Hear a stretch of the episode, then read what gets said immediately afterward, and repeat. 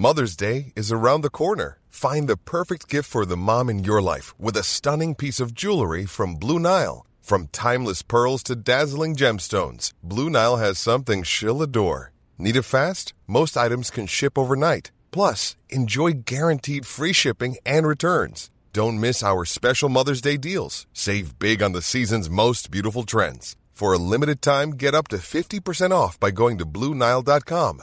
That's BlueNile.com. Hiring for your small business? If you're not looking for professionals on LinkedIn, you're looking in the wrong place. That's like looking for your car keys in a fish tank.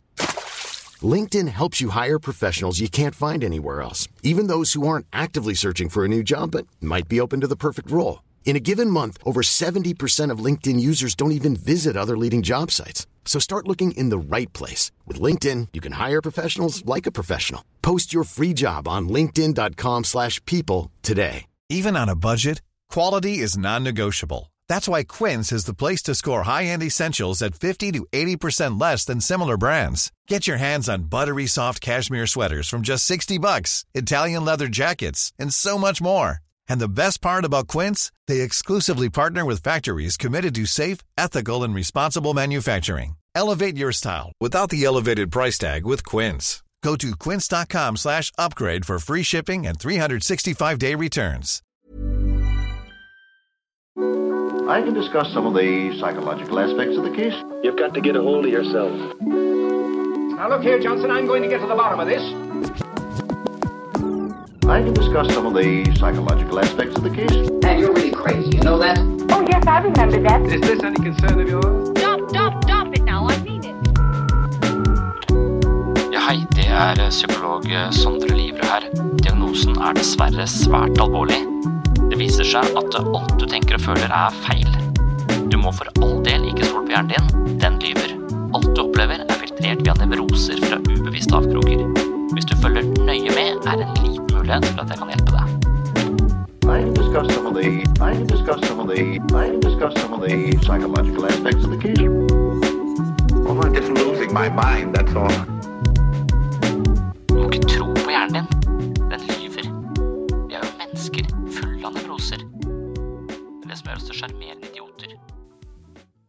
Velkommen til en ny episode av Sinnsyn.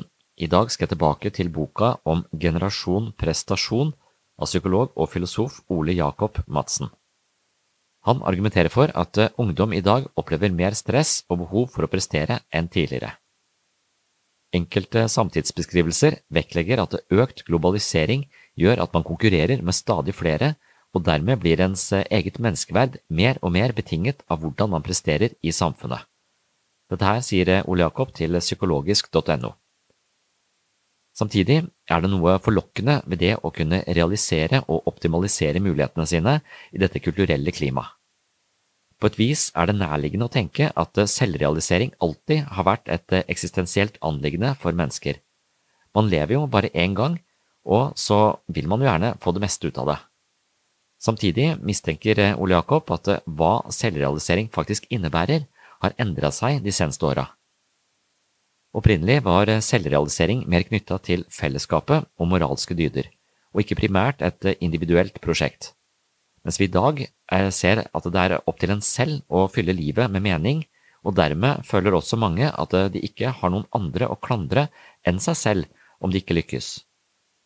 Madsen understreker at samfunnet før var mer hierarkisk, så man var i mye større grad prisgitt den sosiale klassen man tilhørte. På mange måter var det mye mer urettferdig før. Man valgte ikke om man ble født inn i aristokratiet, eller som tjenestegutt, sier Ole Jakob, og legger til at men en fordel var at samfunnet var mer forutsigbart. I dag er posisjon som noe medfødt i større grad erstattet med prestasjon.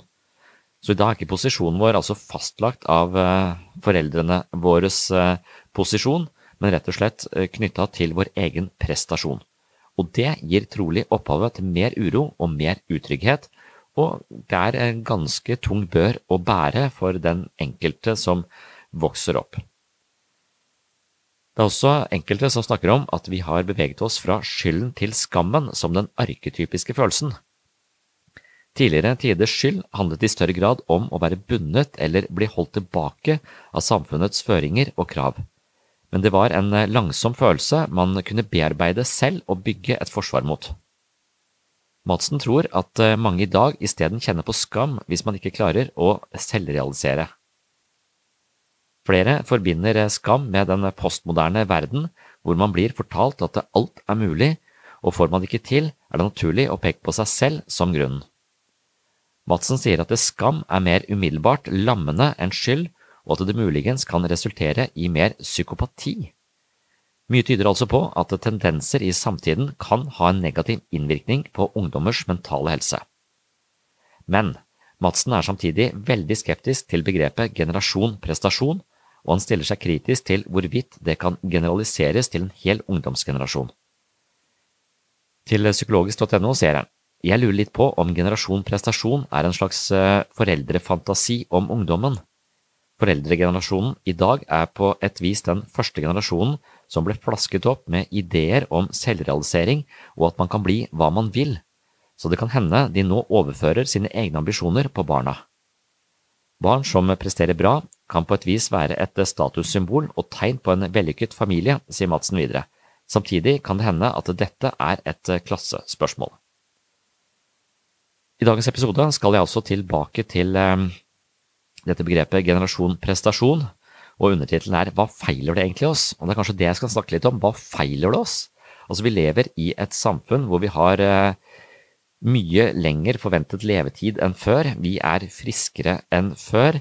Vi har eh, velstand på et nivå vi ikke har sett før. Altså, på veldig mange parametere så har vi det objektivt sett bedre enn tidligere generasjoner. Likevel så har vi mer angst og mer depresjon i befolkningen enn noensinne, og vi skal også snakke litt om disse Ungdata-undersøkelsene, hvor ungdom i stadig større grad ja, eh, rapporterer at de sliter med mye stress og press i ulike sammenhenger, og da spesielt på skole. Og Spørsmålet er om eh, vi ved å forske og spørre ungdommen hele tiden hva er det egentlig eh, du kjenner på, hvordan har du det egentlig, er liksom, det er veldig moderne å stille spørsmålet hvordan har du det egentlig? Og da tvinger vi folk til å kjenne etter noe veldig, og hvis de ikke kjenner så mye, så må de kanskje snu seg rundt og se hva, hva burde jeg føle, og hvis merkelappen da er generasjon prestasjon, du burde føle masse press, du måtte føle deg stressa, det er det som er det ledende narrativet i den kulturen du vokser opp i, så er det vel det vi svarer, da. Så spørsmålet er, når vi driver og forsker og spør og graver så mye, så kan det være at vi rett og slett er med på å forandre en generasjons selvbevissthet, eller selvfølelse, eller hva man skal si, hvordan de identifiserer seg med disse merkelappene som vi setter på dem. Og det kan jo da være et problem, noe som også kan være et problem med diagnostisering av pasienter. Altså Det er et veldig upresist eh, verktøy, dette, disse utredningene vi driver med i psykisk helsevern. Men de skal munne ut i en eller annen eh, diagnose, og hvorvidt den er treffende, så kan det være mange som føler at ja, det er en fin måte å forstå meg selv på, dette er en plattform jeg kan bygge videre på, dette kan jeg korrigere for og jobbe med. Mens andre kan også da på en måte sette seg fast i en forståelse av seg selv som ikke nødvendigvis er veldig god, men i verste fall så kan man jo da identifisere seg med denne diagnosen, og kanskje bli denne diagnosen. Så det er jo et kjempeproblem. Så i dag så skal jeg snakke litt om eh, de mer eh, sosialpsykologiske perspektivene på psykisk helse. Jeg skal undersøke om eh, det å være psykolog og snakke om psykisk helse egentlig er ganske kritikkverdig, og om jeg f.eks., som da driver denne podkasten Sinnsyn, egentlig gjør vondt verre ved å mase om menneskers indre liv.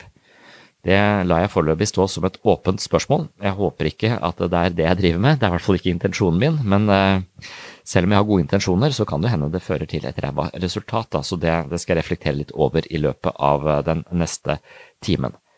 Samtidig så skal jeg se litt på dette ordet forandring og selvrealisering. Hva egentlig det innebærer. Jeg mistenker at mange mennesker hele tiden opplever at de må forandre seg eller forbedre seg noe som hele tiden skaper et kronisk fokus på at den de er her og nå, ikke er god nok. Og jeg tror det eh, i seg selv er ganske skadelig, og at mennesker havner i en eller annen sånn selvutviklingsspagat som eh, ja, i hvert fall da gjør vondt eh, verre. Akkurat som begrepet lykke, altså vi har tidligere, i tidligere episode snakket om at lykke det er ikke noe du må søke eksplisitt. Idet du eksplisitt setter lykke, det å bli lykkelig som mål for livet ditt, og leter etter lykken, så vil, den, eh, vil du miste den. Så lykke er en slags bivirkning av noe annet. Altså det å leve meningsfullt, være oppslukt av noe, eh, ha gode relasjoner osv. Det kommer som en bivirkning. Og hvis man ønsker å forandre seg, og man eksplisitt søker forandring, tenke annerledes, føle annerledes, tenke mer positivt osv., så, videre, så kan det være at selve forandringen også uteblir. Så til forandring ligner litt på lykke på den måten, og hvis vi da går inn i et sånn selvrealiseringsprosjekt med hele tiden en slags tanke om forandring, så kan det være at vi bommer på ja, hele prosjektet, rett og slett. Så det skal jeg også snakke om i dagens episode av Sinnsyn, og velkommen skal du være. Oh, I'm just losing my mind, that's all.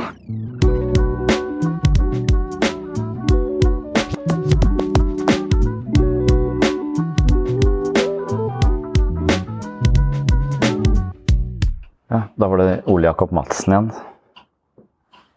Denne professoren både i psykologi og filosofi. Som kritiserer eh, psykologer og selvhjelp. Og da føler jeg virkelig skuddlinja for hans uh, kritikk.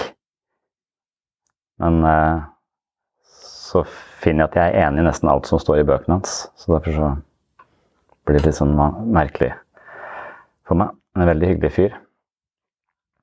Så i denne generasjon prestasjon da, så, så snakker jeg mye om disse ungdata. Det har vært mye i mediene at uh, unge sliter bare mer og mer. Så er jo dette, den, dette paradokset vi har snakket om flere ganger, at vi har det stadig bedre. Vi har mer velferd. Men eh, likevel så øker da antall mennesker som rapporterer at de har mer angst og depresjon og osv og spesielt da unge. Så hvis du går inn i disse ungdataundersøkelsene, så viser det seg at de fra hvert år svarer at de har, har litt verre. Og det Ole Jakob Madsen mener, er at det, det er selve denne undersøkelsen av de unge som er eh, det som eventuelt kan være skadelig. Da. Og så Hvis du ser på de ungdataundersøkelsene, er sånn, så et spørsmål Føler du noen ganger at alt er et slit? Hvis ikke du svarer ja på det, så tenker jeg da er det jo da er det noe virkelig merkelig med det. Så har du bekymra deg for noe den siste uka? Ja, jeg har jo barn. Hva jævla da? Så eh, det er jo veldig sjelden det er en dag uten bekymring.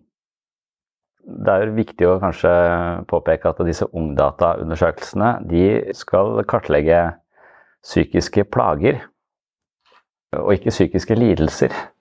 Og at det potensielt sett er en forskjell der. Men jeg vet ikke om det egentlig er en forskjell. Jeg vet ikke helt uh, om jeg liker at det skal være så veldig men, men han gjør et poeng ut av det at det psykiske lidelser det er en diagnose. Men psykiske plager det er noe som hører til livet, altså et slags ubehag, motstand i, i livet. Men jeg liker ikke den. Det er nettopp pga. den ideen der jeg også er litt skeptisk til uh, Eh, i det hele tatt akseptere jeg, jeg, aksepterer ikke at de psykiske lidelser er noe i seg selv som, som, som, man skal anta at man må leve med eller akseptere at man har. Eller, hvis man mister et bein, så tenker jeg at du skal akseptere at du nå har bare ett bein. Ja, Schizofreni er en alvorlig, eh, regnes som en alvorlig eh, psykisk lidelse. Mm, og hvorvidt du kommer deg ut av det. Sånn, hun Laueng har jo vært eh, alvorlig syk og schizofren, men er i dag en veldig veltalende og, og flink psykolog som snakker mye om, eh, om psykisk helse. Så det fins selvfølgelig eksempler på folk som har kommet seg ut av det, men den største predikatoren på hvorvidt du blir skal vi si, kommer tilbake til livet på en frisk måte, eller hva skal man si, hva er frisk for noe, men kommer, kommer ut av denne schizofreni-psykose-tilværelsen, det handler om hvor du bor hen i verden. Og da er det en av de få stedene hvor det er en fordel å bo i utviklingsland. For i utviklingsland så er eh, denne typen lidelser ikke i like stor grad kroniske som vi anser i Vesten. Det er en genetisk komponent, men det er også et, en miljømessig komponent. Så, så, det er vel eh, Alle har et slags arvemateriale, og under visse eh, påvirkninger, så vil det arvematerialet kunne sørge for den typen eh, problematikk. Mens under andre omstendigheter så vil den problematikken ikke dukket opp. Så har man en sårbarhet, sikkert. da. Men, men jeg tror mye av poenget i, i denne, det som når det er forsket på schizofreni spesielt, da, at, det, at, vi har en idé om at schizofreni er en kronisk lidelse. Og vi har også en idé om at skal, vi har også plassert de utenfor samfunnet. Men hvis du har eh, land da som ikke har denne, vi har ikke institusjoner, de har det noe sted, men, men, ofte så blir de bare sett på som litt rare en periode, og så fortsetter de å måtte eh, ta opp potetene når de skal, og så, og så langsomt så sklir de tilbake inn i flokken igjen. Så det å utenforskapet, altså schizofreni er en følelse av utenforskap til de grader. Du har en opplevelsesverden som ikke svinger i takt med noen andre menneskers opplevelsesverden. Det er veldig vanskelig å, å bryte inn og føle en slags felles eh, menneskelighet med dem. Derfor så blir de så ensomme også. Eh, men hvis du, hvis du, da i tillegg plasserer dem inn på en institusjon, så, så blir du enda mer utenfor. ikke sant? Så dette utenforskapet virker som vi nesten øker utenforskapet i våre strategier, og kanskje vi også kronifiserer Eller at faren for at de blir kronifisert, er, er større. Så schizofreni er Hvis du først skal bli schizofren, så prøv å bli det i et utviklingsland. Og det er interessant, Hvis du først bor i Europa og har negative imperative stemmer, kan du da bare plutselig flytte til Uganda, og så plutselig så lister de opp og blir det de? Ja. Mer vennligstemte, liksom. Og det, det som Hovedpoenget i denne generasjonen prestasjon er jo nettopp det at uh, han har disse eksemplene med at uh, det å forske å studere og, og utlede hvordan mennesker har det. Og i mye større grad enn før drive og måle og veie ungdom. Hvordan har dere det egentlig? Det er spørsmålet. Hvordan har du det egentlig? Altså, det, det, også sier alt med Snakk om det. Vi må snakke om å spørre folk hvordan de har det egentlig. Kleint spørsmål, egentlig. Sånn, det lager rar stemning, føler jeg. Men, men, det at vi da er så oppmerksomme på det, måler det så, så mye, det vil også gi det ganske masse oppmerksomhet. Og vi står da i fare for å og, det som er Problemet med å forske på psykisk helse og mer humanistiske fag, er at idet vi forsker på det, så endrer vi det. Sånn er det ikke med naturvitenskap. Du, du, kan forske på planeten Pluto, og den ble degradert til å være en dvergplanet i 2006. Men Pluto har ikke nå dårlig selvtillit bare fordi den har blitt en dvergplanet eller føler seg mindreverdig. Vi, vi vet ingenting om Vi antar at Pluto fortsetter å gå i den samme banen som det alltid har gjort, selv om vi nå kaller den en dvergeplanet. Så våre begreper på ting eller vi måler CO2-nivået ute i, i, fjorden her, så vil ikke uh, havet bli fornærma fordi det er for høyt CO2-nivå.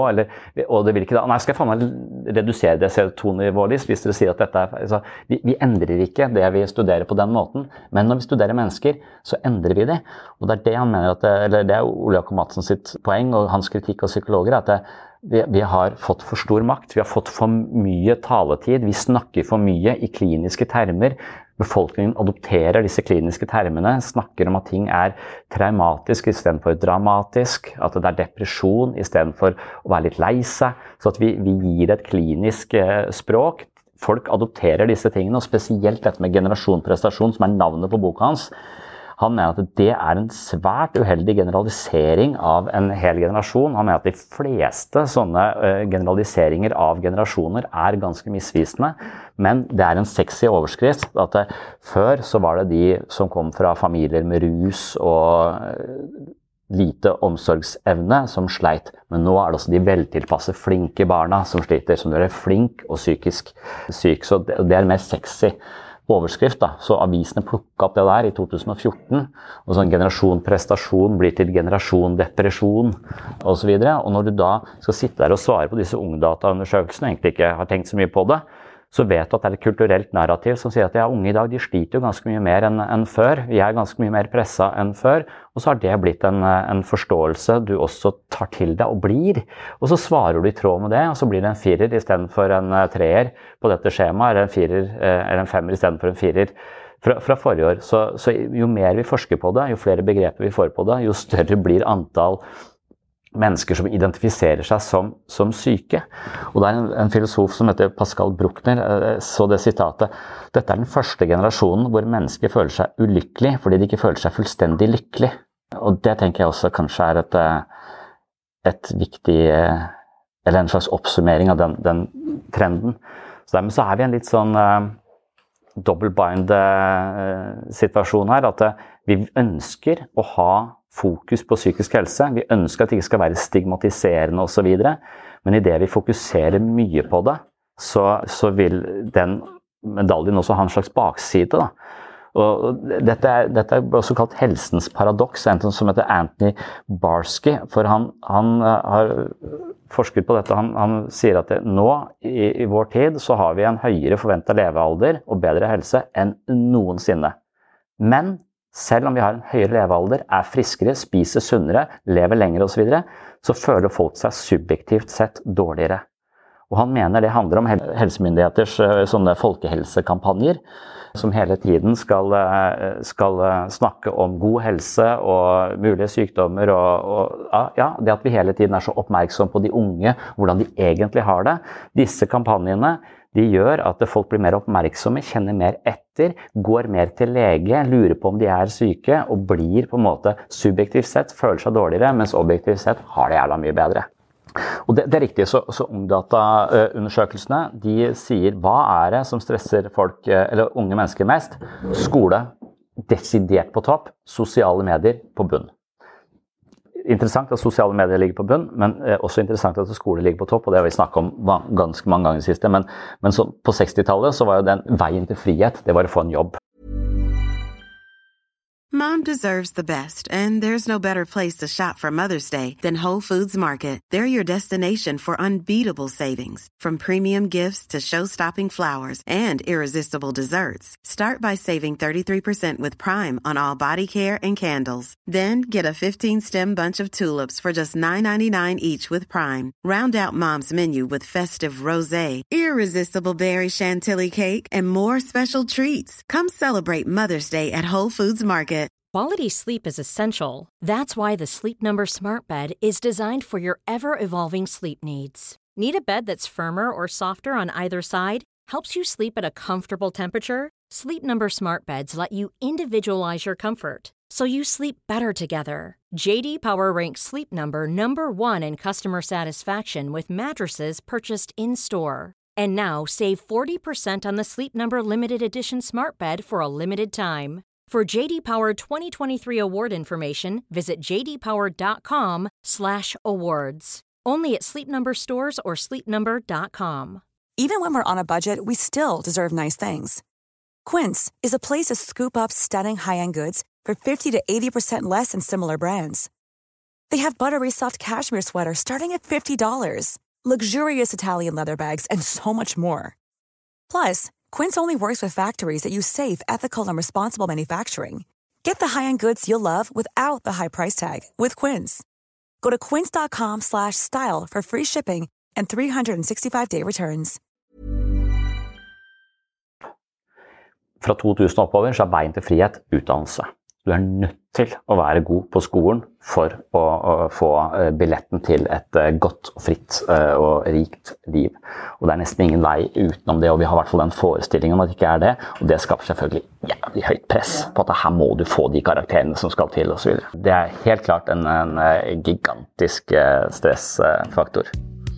Men det, er interessant at mennesker liksom når, når, vi studerer de, så står vi også i fare for å, for å endre de når vi diagnostiserer de, så står vi i fare for å endre de. Så, så, jeg har en sånn iherdig motstand mot uh, diagnoser. Jeg er pålagt å gjøre det. Men, og, og, for, og, for, mange så er en diagnose en slags eh, god forklaring, en slags rettesnor på, på noe de kan eh, eventuelt forstå bedre fordi de fikk et navn på det. Det er fint.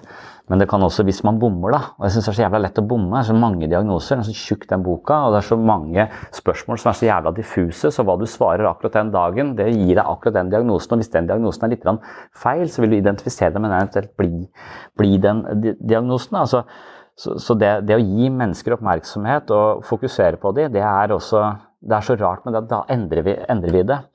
Og det var en, en, som heter Elton Mayo som eh, forska på lysforhold i, på fabrikker på 20-tallet. og det, det, illustrerer dette godt. for han, han tenkte at det, på disse svære fabrikklokalene så er det litt sånn dunkel belysning. Hvis jeg øker belysningen, så vil kanskje effektiviteten øke hos uh, arbeiderne. Så økte han belysningen og gjorde det litt lysere. Og så så han at ja, arbeiderne jobba litt mer effektivt. Men så tok han og senket belysningen, så var det litt, litt mørkere. Og da jobba de også mer effektivt. Så det var bare den der midten der som ikke var så, så, Men poenget er jo, som man skjønte etter hvert, at når jeg har begynt å interessere meg for arbeidernes arbeidsvilkår, når jeg har mine medarbeidere og forskerassistenter som går og snakker med dem, spør hvordan de har det, undersøker dette her, så føler de seg sett, de føler seg verdsatt, og de gjør en bedre jobb. Så det er jo det at vi studerer de som gjør at eh, effektiviteten øker. Det er oppmerksomheten vi har på de. Og ikke lysforholdene spiller sannsynligvis en liten rolle, for både mørkere og lysere viste seg å ha en, ha en effekt. da. Og Samme som denne helsens paradoks, da, at vi har mye fokus på det. det. Kanskje det er det som også gjør seg gjeldende da i Ungdata, så nyheter om hvordan de unge egentlig har det. Det vil påvirke politikere, det vil påvirke helsesøstre, det vil påvirke foreldre. Og det kommer også inn i hverdagsspråket vårt, og hvordan vi ser et annet menneske. Hvordan vi ser denne yngre generasjonen den måten vi ser dem på, det blir også sånn de kommer til å identifisere seg med det blikket. Det er sånn hele oppvekst, altså Måten jeg blir sett på, vil jo fortelle meg hvem jeg er. Og jeg vet jo ikke hvem jeg er når jeg kom inn i denne verden her. Jeg har ikke bedt om å komme inn i denne verden her, jeg kom plutselig bare. Og så, og så er det andre rundt meg som forteller hvem jeg er. De forteller meg hva jeg heter, hvor jeg bor osv. Så, videre. så alt skal jeg jo lære via andre. Og Hvis de da har en forestilling om at jeg tilhører en generasjon som er jævla pressa og jævla stressa, så, kan, så risikerer jeg å bli, bli dette her, da. Og det, det, er litt sånn uh, interessante ADHD-studier fra USA, hvor jævlig mange unger har, uh, går på Ritalin. altså Det er på sånn 20-30 i enkelte klasser i, i USA. Og, så, og, når du da gjør sånne placeboundersøkelser uh, med det, da, at du, du folks barn som de tenker er urolige og muligens har ADHD, blir utreda og medisinert, men egentlig så får de ikke medisiner. De får um, en eller annen sånn narrepille så at de er, de er, alle tror de er diagnostisert, alle tror at de har fått uh, medisiner. Og når alle tror dette, så forholder de seg annerledes til barna, og barna er roligere og mer veltilpassa i, i, denne skolehverdagen. Så tabletten har ikke gjort noe, men måten vi har sett barna på, har endra også måten barna er på. Så, så, med en gang vi skal ha en diagnose på ting, vi skal ha en sånt noe, vi, vi, står i fare for å endre noe. Og jeg er usikker på om jeg kan stå inne eller være 100% sikker på at den endringa fra å ikke ha noen diagnose, eller fra å være sjenert til å få sosialangst, er gevinst. Er bedre? Før så tenkte du var sjenert, nå har du sosialangst, og nå kan du få medisiner våre. Så her har du en Sobril du kan bruke hver gang det kommer folk forbi. Så det er, det er liksom spørsmålet som Ole Jakob Madsen har liksom vært denne aktive motstanderen av livsmestring. Han har den stemmen som sier at livsmestring i skolen er han litt usikker på. På samme måte som jeg er litt usikker på diagnostisering. Og der er jeg, også, er jeg uklar på selv, men, men jeg tenker at det, Altså, dette med livsmestring det skal være sånn tverrfaglig greie som skal inn i matematikken, altså hvor det skal handle om personlig økonomi, det skal inn i gymmen, det skal inn i norsken, det skal inn i engelsken. Dette Livsmestring skal inn i alle fag. Derfor så har du ikke noen som egentlig øh, altså Da skal jo alle lærere, da, helt random lærere innenfor ulike En fyr som bare kan tyske preposisjoner, skal nå drive med livsmestring også. Så det er jo ikke sagt at dette er et egna perspektiv. Det kan jo være at dette mennesket har et sånt perspektiv at psykisk lidelse er en, eh, en sykdom. Hvis du har den, så, så er den kro... Eller det kan være et veldig sånn biologisk perspektiv på det. Hvis du kjenner at du har litt vondt i følelsene, så må du til eh, behandling. Eller du må ha en psykolog. Hvis det blir greia, så er dette her kjempeskadelig. Så han sier at det, for det første så sier Ole Jakob at ja, jeg trodde ikke livet var noe som skulle mestres, men noe som skulle leves. Og det sier han med en litt sånn eh, ironisk brodd. ikke sant? Og så, og så sier han eh, også at han er usikker på om det å gjøre små mennesker om til sånne introspektive småpsykologer på seg selv er veien å gå. Og så sier jeg at jeg er litt uenig i det, for de skal jo lære seg følelsenes ABC. ikke sant? Og sånn, I et sånt affektbevissthetsperspektiv så er det ikke så dumt å forstå følelsene sine. Men hvis vi kommer i en feedback-loop fra helvete og tenker at det å ha negative følelser er dumt, og derfor så får jeg negative følelser for det har negative følelser, så er vi inne i den spiralen som, hvor livsmestring vil generere mer, mer, flere psykiske helseplager. Men hvis vi klarer å normalisere dette, og klarer å gi det et språk og, og få det som en del av livet, så er vi inne eh, på et spor som kanskje kan, eh, kan, ha en helsegevinst også innenfor psykisk helse. Men jeg er litt usikker på om det er godt nok gjennomtenkt før denne implementeringen eventuelt foregår.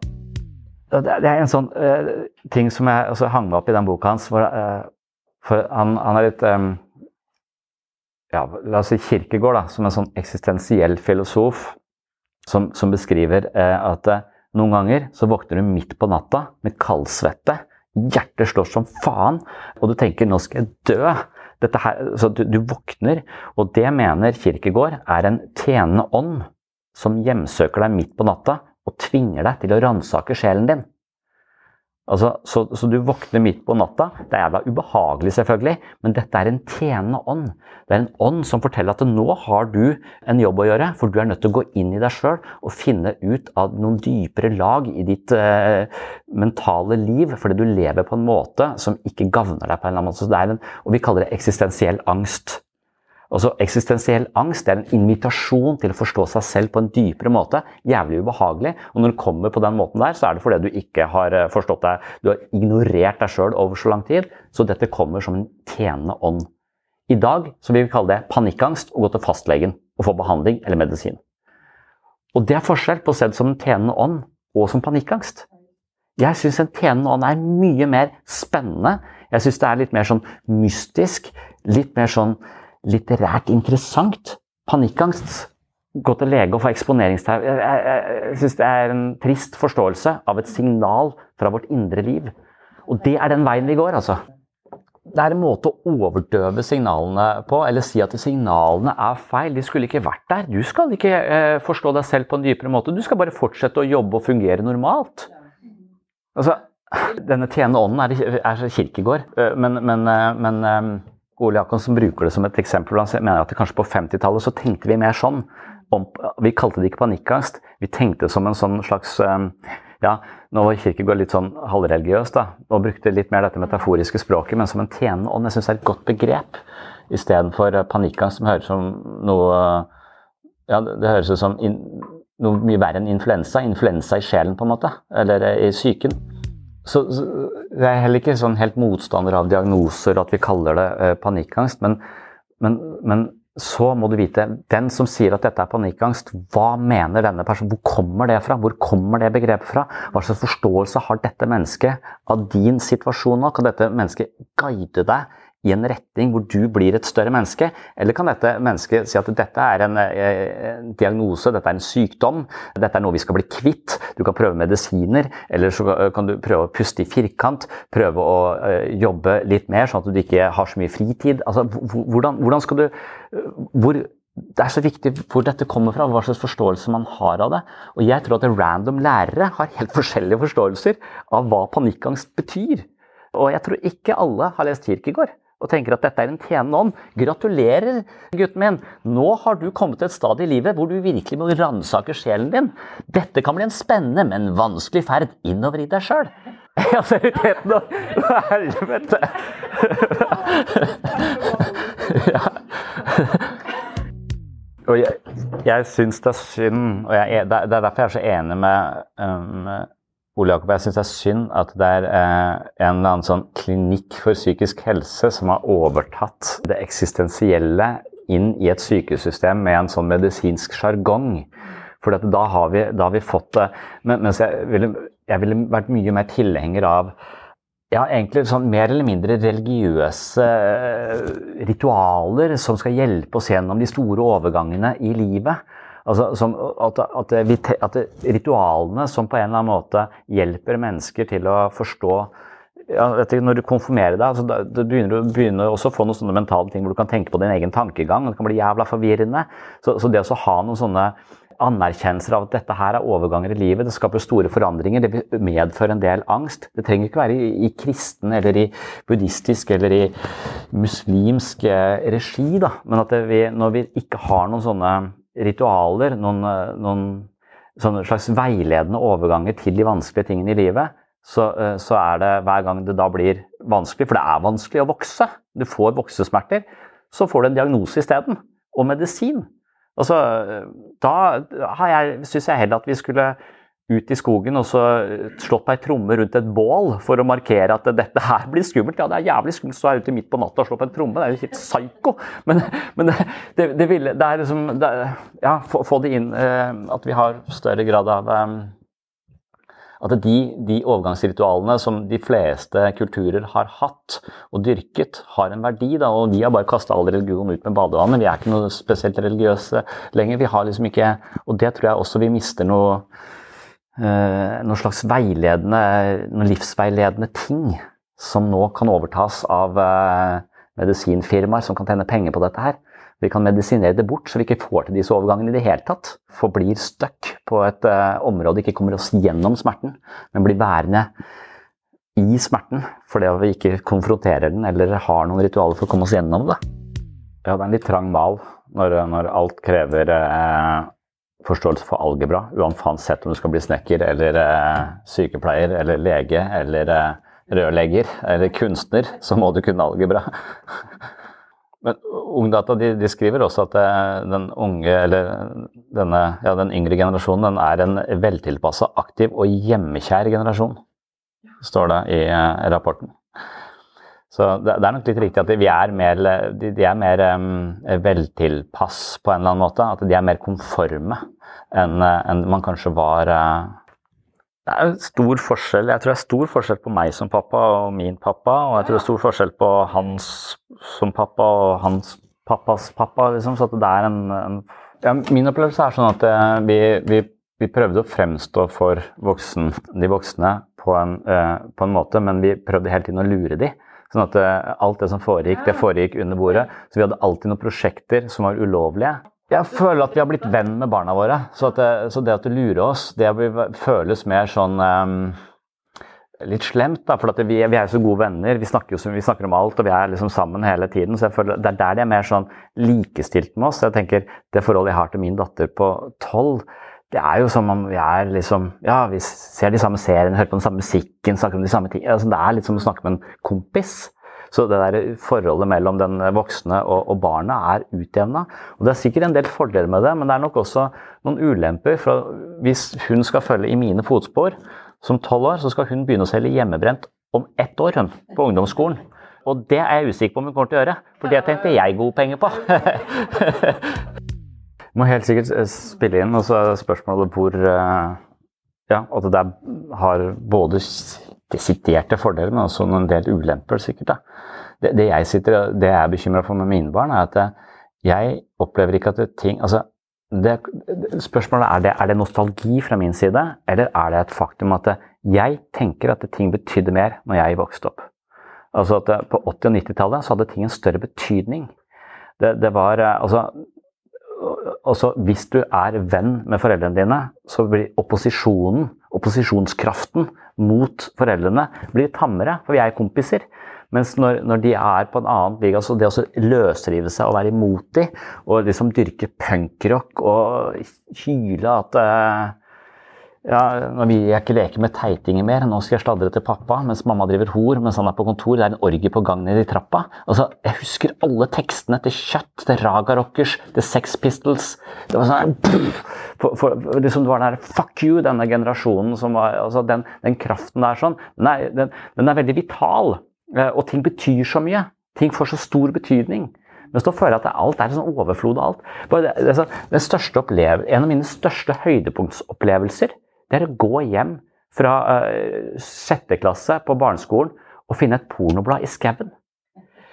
Vi, vi, vi, vi, var helt andektige. Dette det, det, er Takk av Gud! Altså, hvor, det, var helt utrolig. Det er den største opplevelsen eh, jeg nesten har hatt. Eh, og, og vi, kunne ikke forstått hva sant. Altså, det, var jeg kan ikke beskrive den det, det, var, det, var, ingen bursdag, det var ingen julaften, det var ingenting som kunne overgå det funnet vi gjorde i skauen på vei hjem fra skolen. Det, det, tror jeg ikke Jeg tror det er for lett tilgjengelig nå. Du får ikke den følelsen, ja, den eksklusiviteten og Vi diskuterte dette her i går også i en gruppe, og jeg tror at et, et sånn, akkurat sånn virkelig dilemma her er forståelsen av um, man skal si, hva ja, bare Forståelsen av psykisk helse ligger som en sånn hemsko. Den er veldig forskjellig. Den er veldig forskjellig fra person til person. Og jeg tror at vi, den forståelsen som leder, er at det er noe feil som skal repareres. Og det tror jeg er en eh, stor eh, misforståelse.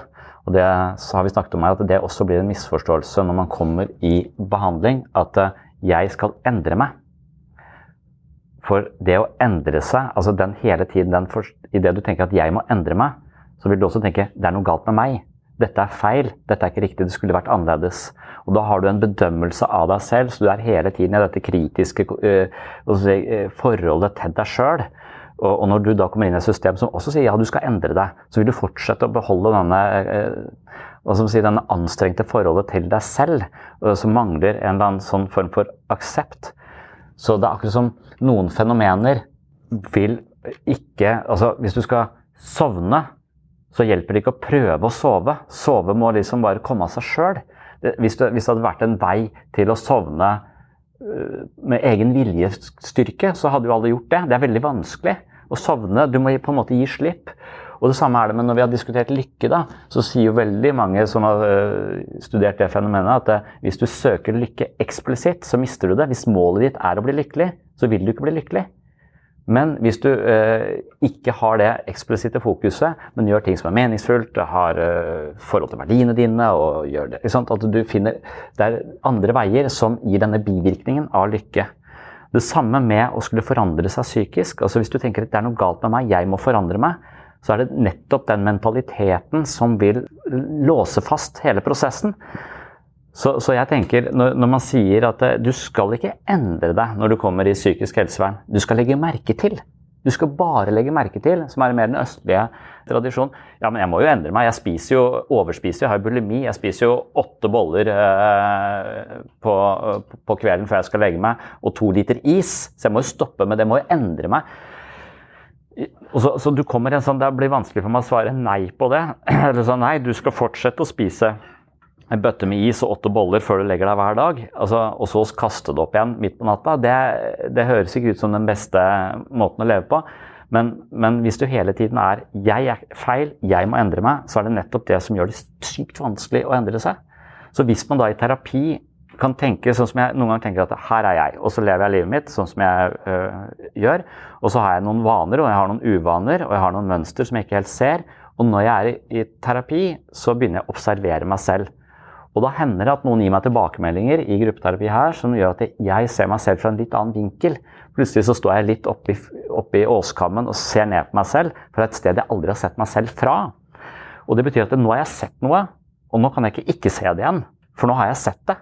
Og hvorvidt det er eh, reflekterer meg, for det er såpass langt avstand, så det kan være det er noe uh, feil med den Jeg ser det så langt unna nå. Men likevel så har jeg da unektelig vokst. Jeg har unektelig fått et nytt perspektiv som jeg ikke på en måte klarer å glemme. Og, og skal, men det at jeg da skal aktivt gå inn og gjøre noe annerledes, det tror jeg er mindre, langsomt mindre opptatt av. For jeg tror at det, jo flere perspektiver jeg får, jo mer naturlig for det, blir det i neste omgang å av meg selv gå en litt annen retning. Eller bare at jeg ikke skal aktivt, så innmari aktivt tvile på at jeg må endre meg. Men hver gang jeg observerer meg selv, hver gang noen andre observerer meg, og jeg får et nytt perspektiv, så vil baselinen min være et nytt meg med det perspektivet inkludert. Og da er jeg litt større. Og så får jeg kanskje et nytt et, og så vil det være litt større. Jeg kan ikke unngå. Eller hvis jeg bare bevisst prøver å glemme det perspektivet. Og det er forsvarsmekanismene våre. For noen ganger så får jeg perspektiver som er såpass ubehagelige å se på at jeg helst vil bare fuck off. Det er eh, ditt problem. Eh, så det vil jeg ikke ha noe med å gjøre. Og da vil jeg jo ikke endre meg, da vil jeg låse meg, eh, låse meg fast. Men hvis jeg aksepterer det som en måte og et nytt perspektiv som jeg samler på ideer om meg selv, så, så, så tror jeg endringene kommer av seg sjøl. Akkurat som lykke kommer som en bivirkning av å gjøre meningsfulle ting, da, eller, eller gjøre noe for andre, kanskje. Eller, ja. Så, det, så, forandringen kommer som bivirkningen, men når vi hele tiden tror at det er eksplisitt det vi skal søke, så er vi litt fucked. Og det tror jeg kanskje er min bekymring for mestring, er at vi vil anse ting som feil. Det å være sånn og sånn er feil. At vi ikke kommer unna at vi ser på dette sykdomsperspektivet. For vi ser på kreftsvulst er noe som skal vekk. Det er ikke noe vi skal observere. Er derfor somatikken og psykisk helse er vesensforskjellige. Og når vi blander de to, så ser vi på psykiske plager også som noe som skal vekk, som kreftsvulster vi skal behandle med, med effektsord og alle mulige andre typer medisiner. Mens, mens, det er ikke det nødvendigvis. Det, er, det bør behandles på en litt annen måte. Ja, for, for det, er veldig mange som har veldig gode argumenter for at de ikke kan være sånn som de er. Og noen argumenter kommer innenfra. Altså at jeg tåler ikke å, å se dette. Jeg må være noe annet enn det er. Jeg anerkjenner ikke meg selv. Jeg liker ikke meg selv. Jeg vil være noe annet. Jeg vil ikke være meg sjøl. Jeg vil, vil være noen andre. Ja, jeg, opplever at folk har den liksom da mot seg selv. Jeg tenker at jeg kan ikke være sånn som jeg er, derfor kan ikke jeg være gjennomsiktig. Jeg må skjule det. Fordi jeg også tenker at ja, men andre vil ikke akseptere meg hvis jeg er sånn som jeg er. Ja, men Hvordan er du sånn som du er, da? Det er ikke alle som klarer å svare på, men de har en sånn slags oppfattelse av at andre mennesker ikke vil anerkjenne dem hvis ikke jeg smiler. Jeg må jo smile på jobb, jeg må jo smile på jobb. Må du smile på jobb? Må alle Altså, er dette Hvor står det? Og hvem, hvem har sagt det? Altså, det er noe Det er på en måte Det forsterker denne dynamikken at vi kan ikke akseptere å observere og, og, og være mer eh, vi, skal endre oss hele tiden. Vi skal hele tiden være noe på en annen måte enn det vi er. Derfor så er vi denne, hele tiden denne spagaten som virker helt umulig å være i. Og når folk sier det til meg jeg kan ikke stå på, uh, på, på jobb og være sur mot kundene. Du kan kanskje ikke det, men, men, hvis du hadde vært mer sånn aksepterende overfor deg selv og ikke hatt så innmari, så opptatt av å være noe annet enn det du er hele tiden, er du sikker på at du har vært sur hele tida? Er det fordi du hele tiden føler å være noe annet enn det du er, at det er derfor du er sur? Altså, er det Ja, sur eller deprimert, samme. Så, ja, så, sånn at det, det er så mange som har veldig mange forklaringer og insentiver på hvorfor de ikke kan være sånn som de er. Og en får være som en er, når ikke en ble som en skulle. det, er det Ole Ivars, eller? det er eh, referanser som eh, Ja. Jeg tror det er Ole Ivars fra et eller annet sånt danseband. ja, det er kjempegodt råd. Det, det, det er litt skamfullt å ha den, den på referanselista. ja, når man først har kommet liksom i bakleksa på, i, i, livet sitt, og man kanskje i utgangspunktet er i denne spagaten hvor man aldri føler at man er god nok, og, og, og så videre, og så vil man på et eller annet tidspunkt også da, når man er inaktiv over lengre tid, få et press utenfra som kommer til å presse deg i en eller annen retning. Og da er du liksom kommet eh, litt på hælene. Da har du ikke, liksom, livet i forkjøpet, på sett og vis. For da har du ikke lenger Da kan du ikke velge dine egne veier og finne dine egne verdier og finne eh, mening fra innsiden. Det blir pressa på deg fra utsiden. Og da er du allerede i denne utrolig vanskelige posisjonen. Ja, jeg syns også det er et, eh, er et, stort problem når det har kommet så langt at du er liksom eh, under eh, Nav sitt regime, så vil de hele tiden presse deg. Og hele tiden skulle måle og veie og ha prosedyrer og, og tiltak osv. Og, og, videre, og det koster jo enormt mye penger for samfunnet. Så det regnestykket skulle jeg ønske man kunne se på. Hvor mye koster alle disse saksbehandlerne som driver og vurderer og veier og har åtte måneders behandlingstid, kontra å gi alle mennesker en eller annen sånn universal basic income, altså borgerlønn. Og alle fikk så det, så det var greit. Og så kunne vi bare bruke Nav-kontoret til kulturhus isteden, og arrangert konserter der. Og så, og så, kunne alle ha nok penger, og så kunne de ikke føle seg pressa. Og da kommer kanskje kreativiteten fram, så kanskje de hadde gjort noe eh, meningsfullt. Kanskje de hadde lagd den konserten på det kulturhuset, det nye kulturhuset midt i sentrum. Så borgerlønn skjønner ikke jeg hvorfor ikke er uh, smart. ja, du får, du får ikke, uh, ikke 1,2 millioner i året på borgerlønn. Ja, du får det i bånn. Så, så du, du, får det i bånd som en sånn Og, og da, det er, det er, ikke dermed sagt at folk sånn, Mange advokater er advokater fordi de dypt og inderlig interesserer seg for juss. Altså, Hva er rett og galt i samfunnet? Moraletikk. ikke sant? Så det, å ha det som et livsløp er dypt og inderlig meningsfullt. Det kan jeg godt forstå. Det å være, jobbe med psykisk helse er dypt og inderlig meningsfullt. Jeg gjør det ikke for pengene, man gjør det for meningen. Kanskje folk hadde valgt yrker for, eh, for, interesser. Og da hadde de fått en del penger på toppen av denne eh, borgerlønnen. Så, så det vil alltid lønne seg å, å, finne en form for drivkraft og interesse som kanskje også kan uh, gi en form for inntekt, men det vil komme på toppen. Borgerlønn blir det samme som arbeidsavklaringspenger, egentlig. Så, så vi, har vi har det uansett. Bare at det er så mye dill rundt arbeidsavklaringspenger. Da slipper du den stigmatiseringa jeg er ufør eller ikke ufør. Altså, jeg bare, jeg, alle får det samme uansett, så du kan, om du jobber eller ikke jobber. og Da, da tror jeg initiativet lettere vil komme innenfra hos folk. For da sier de ja, egentlig ganske jeg, jeg, nå føler jeg meg ikke pressa. Jeg bruker så mye energi på å prøve å tilfredsstille alle disse kravene derfra. Så jeg prøver å gjemme meg fra livet. Nå er det ingen som presser meg, så jeg kan sitte her. Og da tror jeg kanskje at du føler at ah, nå må jeg gjøre noe for å finne en eller annen drivkraft i livet. Og at det ville vekkes hos mennesker som ikke er under dette voldsomme presset. Et motargument vil jo være at det kanskje at det, at det, det, det må et slags press utenfra for å komme inn i en rutine som, som er meningsfull. Men eh, hvis man f.eks. har barn, så vil denne rutinen komme av seg selv. Da har du ikke noe, noe valg. Hvis du har en jobb, så, så, vet du også at du må innfinne deg der og der innenfor det og det. Jeg hørte akkurat gjengitt en studie på hvor mye fritid som er eh, det beste for folk. Altså det, det finnes mange studier. Hvor mye fritid bør folk ha i løpet av et døgn? Og da er, eh, da er det to og en halv time som er eh, cutoffen på den absolutt beste De som opplever mest mening, mest tilfredshet i livet, de har to og en halv time fritid. Så mer enn to og en halv time, da blir den fritida litt sånn Det blir litt for mye. Mens mindre blir overbelastende. Så de som jobber mer enn det og ikke har noe fritid, de blir for stressa. De som har for mye fritid, de føler meningsløshet. Ferie er jo ferie fordi det kommer som et avbrekk, men du vil ikke være på ferie altfor lenge heller. Du vil ikke være på Lanzarote i to måneder. Da er du pensjonist uh, og, og, har spesielle interesser. Men, men, for vanlige folk så er ikke det så, men, men, at det er interessant, eh, for det, det, føler jeg også på meg selv, at det, to og en halv time virker som bra cutoff for meg. Hvis jeg, hvis jeg, har en hel dag for meg selv, så blir det akkurat som jeg ikke, ikke, klarer å bruke den. Som jeg går litt på tomgang, som jeg misbruker litt. Hvis jeg har to og en halv time som jeg kan bruke på meg og akkurat det jeg vil i løpet av en dag, så får jeg så mye kvalitet ut av det. Jeg føler mestring at jeg har gjort alt det andre jeg skal. Altså det er akkurat en god balanse som gir, gir, meg denne følelsen av både rekreasjon, men også og mestring og mestringstro.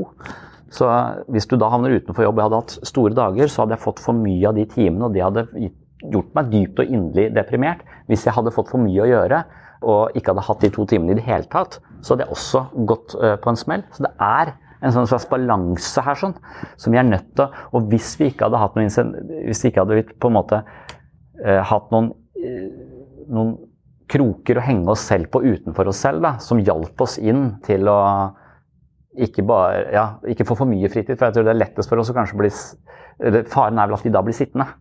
Og at, vi, at denne cutoffen på to og en halv time blir plutselig at vi har fem timer hver dag. At det ikke Sikkert noen som hadde klart seg godt på fem timer fritid hver dag, men, men på et sånt høyt nivå så vil det, eller hvis du zoomer helt ut, så, så kan det fort bli for mye for folk. da.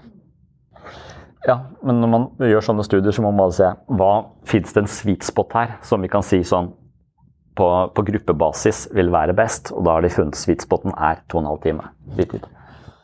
Ja, jeg syns også det, det, det, er mye. så det, jeg tenker at det, det, er når jeg er på, på, mitt beste. Men det er også der jeg tror jeg finner den beste balansen. Ass. På, hvis jeg hadde hatt to og en halv time hver dag. så det, er, og det er litt det jeg hele tiden kjemper eh, for. En helg, f.eks. At hvis jeg har to og en halv time til mine ting, så kan jeg gå i Dyreparken og gå på fotball og være med barna og gå på tur. Det, det, det trives jeg også med. Men det er bare ikke den tiden som er Det er ikke den tiden jeg hviler mest. Da er liksom på. Jeg syns det er veldig meningsfullt, det også. Det er ikke det at det, det å være på jobb er noe Det syns jeg også er veldig meningsfullt. Men, men, men, å ha akkurat de to timene Men med, med en gang La oss si de drar av sted med barna, og jeg har hele helgen for meg selv, eller noe sånt, så er faren for at jeg begynner å gå på tomgang og misliker meg sjøl ganske sterkt for at jeg ikke utnytter denne tida så stor. Altså, jeg kommer i sånn der limbo sånn faen, Alt jeg skulle gjøre, så gidder jeg ikke å gjøre det. Jeg blir sittende der og klø meg i huet. Liksom bare faen. Så kommer de tilbake igjen, så har jeg faen meg misbrukt en hel helg. Ja, for jeg vet at hvis jeg Og jeg er så klar over dette. altså Når jeg får for mye tid, så vet jeg at fy faen, nå skal jeg gå all in. Da skal jeg høre på den plata. jeg skal, altså, Så jeg er nødt til å virkelig disiplinere meg for å bruke min egen fritid. Og når jeg gjør det, så får jeg utrolig mye tilbake. Så jeg ikke blir sittende på den der og klø meg i huet-greia, for da, da, da misliker jeg meg. Det, det, ja, jeg tror jeg har ting som jeg, selv som jeg definerer som uh, godt for meg, som jeg definerer som verdifullt og som jeg definerer som uh, interessant. og sånt, Så jeg er nødt til å fylle det uh, med det. Så hvis jeg skal bare gå på impuls, det er da jeg liksom går litt sånn og, og, og vaker. Eller det kan hende det dukker opp noe som er veldig interessant, og så oppslukes jeg av det. Men sjansen for at jeg havner i, i en sånn ingenmannsland, eller sånn eh, apatisk tilstand, er ganske stor. Jeg kan nesten ikke forestille meg noe jeg kan gjøre i livet mitt av ting jeg må, ikke må, bør, ikke bør, altså, som gir meg en dårligere følelse enn av å nettopp kaste bort tida mi. På en måte, og bare sitte sånn og, og vake. Hvis jeg hviler og, og har bestemt meg for at det var deilig å sitte og hvile, jeg kan sitte og reflektere, da er det noe jeg gjør. Men det er når jeg bare går eller blir sittende på telefonen og ikke vet hva som har skjedd de to siste timene, bortsett fra at jeg skulle ha gjort noe, men ikke Den følelsen av å, det er nesten en selvskading av meg sjøl. Altså, jeg, jeg tror jeg hadde hatt det bedre hvis jeg satt og kutta meg i armen. Altså, jeg, jeg, tror det hadde føltes som mer Det har i hvert fall gjort nå. Altså det, det er ikke spesielt konstruktivt, men det er noe. Absolutt ikke. ikke det er hvis jeg har valgt og hvis jeg har bestemt meg at dette skal gi meg verdi, dette skal jeg bruke min fritid på, dette skal jeg bruke denne, dette er meningsfullt for meg å lese meg på det, eller høre på den podkasten, eller ja, så, så, er det så, så, lenge det er mitt valg og jeg eier tida mi, så, så er innholdet litt irrelevant. Det er når jeg går på tomgang. Og hvis jeg får for mye tid, så går jeg lett på tomgang. Derfor så skjønner jeg to og en halv eh, times uh, sweet spoten da, på fritid. For det er kanskje det jeg klarer å administrere. Nei, det er nok det som er for småbarnsforeldre, at de har ikke to og en halv time. Uh, jobb og, og, og, barn det gir ikke to og en halv time. Så, men etter hvert som barn blir eldre, så får du kanskje tilbake to og en halv timen. Ja. Så lurer jeg på om hjemmekontor gjør dette her litt blurry. For at hvis du går hjemme og så, og så forholdet mellom når gjør jeg noe som er bra for meg og fritid, og nå gjør jeg ikke noe på jobben, så blir du gående sånn vake litt frem og tilbake mellom de to tinga. Så blir alt bare sånn der halvveis jobb, halvveis fritid, halvveis ingenting, halvveis ræva. Bare dagene bare sklir forbi. Så hjemmekontor på, Ja, i morgen skal jeg være, ha studiepermisjon, og skal jeg ha hele dagen hjemme det krever uh, sitt. Altså, for jeg vet hva jeg skal Det er veldig viktig at jeg kommer i gang uh, der sånn. For hvis jeg blir gående der og bare surre, så, så ble jeg suicidal på ettermiddagen. Det ble jeg ikke da jeg setter litt store ord, men jeg ble jævlig lei av meg sjøl. det krever mye mer å være hjemme. For her går jo Her sitter jeg her halv tolv, trener tolv, opp av inntak halv to. Ja, men da tror jeg vi får ha lunsj. Ja. Takk for følget. Takk for at du hører på Sinnsyn. Er du mer interessert i denne tematikken, så kan jeg opplyse at jeg har snakket med Ole Jakob i tidligere episoder her på podkasten. Jeg mener at jeg snakket med Ole Jakob i episode 139, som vi kalte Generasjon prestasjon, og så snakket jeg med han i episode 135, hvor vi snakket om en tidligere bok han har skrevet, som handler om Det er innover vi må gå.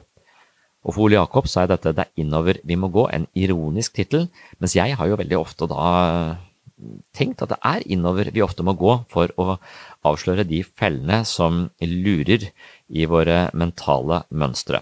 Så her er vi uenige, og det diskuterer vi i flere timer i episode 135 og 139. Jeg har også laget eh, flere episoder om denne mer sånn sosialpsykologiske tematikken. Du finner en episode på Patron-kontoen min. Det er episode 62, som, om, som har overskriften Strever folk mer enn før med psykiske plager? Og så har jeg i tillegg laget en episode på Podimo. Det er jo eksklusive episoder av sinnssyn på Podimo fra tid til annen, og det er da episode 12, som jeg har kalt um, Fokus på forandring kan virke mot sin hensikt. Så da fokuserer jeg mye på det poenget der sånn. Så hvis du vil ha mer, så kan du også skaffe deg et abonnement hos Podimo. Jeg lager noen eksklusive episoder for eh, Podimo ved jevne mellomrom. Men eh, hvis du virkelig vil ha mer sinnssyn hver uke og masse ekstramateriale, masse ekstra episoder, øvelser, mentale øvelser, lydbøker, altså bøkene mine lest opp av meg, kapittel for kapittel, og ja, mm, videomateriale fra foredrag etc., etc., så er det selvfølgelig patron.com for segs sinnssyn som er stedet å gå. Det å drive denne podkasten er jo ganske krevende. Det krever mye tid, og det krever mye ressurser, men eh, det har jeg muligheten til, for det har Patron-supportere. Så hvis du finner verdi her på sinnssyn og har lyst til å støtte dette prosjektet, så er et abonnement på Patron gull verdt. Du får masse mer eh, materiale, og jeg får muligheten til å prioritere dette prosjektet her hver eneste uke, så tusen hjertelig takk til alle dere som støtter sinnssyn via Patron. Det var det jeg hadde for denne gang, på gjenhør i neste episode. Tjallabais! Oh, I'm just losing my mind, that's all.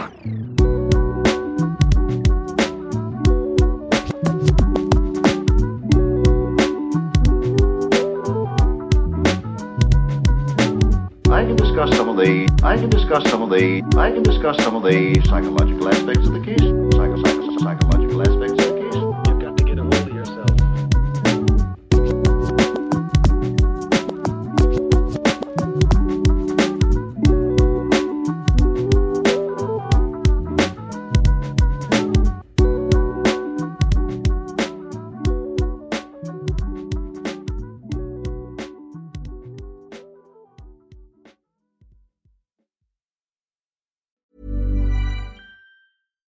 Hi, I'm Daniel, founder of Pretty Litter. Cats and cat owners deserve better than any old fashioned litter. That's why I teamed up with scientists and veterinarians to create Pretty Litter. Its innovative crystal formula has superior odor control and weighs up to 80% less than clay litter. Pretty Litter even monitors health by changing colors to help detect early signs of potential illness. It's the world's smartest kitty litter. Go to prettylitter.com and use code ACAST for 20% off your first order and a free cat toy. Terms and conditions apply. See site for details. Even when we're on a budget, we still deserve nice things. Quince is a place to scoop up stunning high-end goods for 50 to 80% less than similar brands. They have buttery soft cashmere sweaters starting at $50, luxurious Italian leather bags, and so much more. Plus, Quince only works with factories that use safe, ethical, and responsible manufacturing. Get the high-end goods you'll love without the high price tag with Quince. Go to quince.com slash style for free shipping and 365-day returns. Even when we're on a budget, we still deserve nice things. Quince is a place to scoop up stunning high-end goods for 50 to 80% less than similar brands. They have buttery soft cashmere sweaters starting at $50, luxurious Italian leather bags, and so much more. Plus, Quince only works with factories that use safe, ethical, and responsible manufacturing. Get the high-end goods you'll love without the high price tag with Quince. Go to quince.com slash style for free shipping and 365-day returns.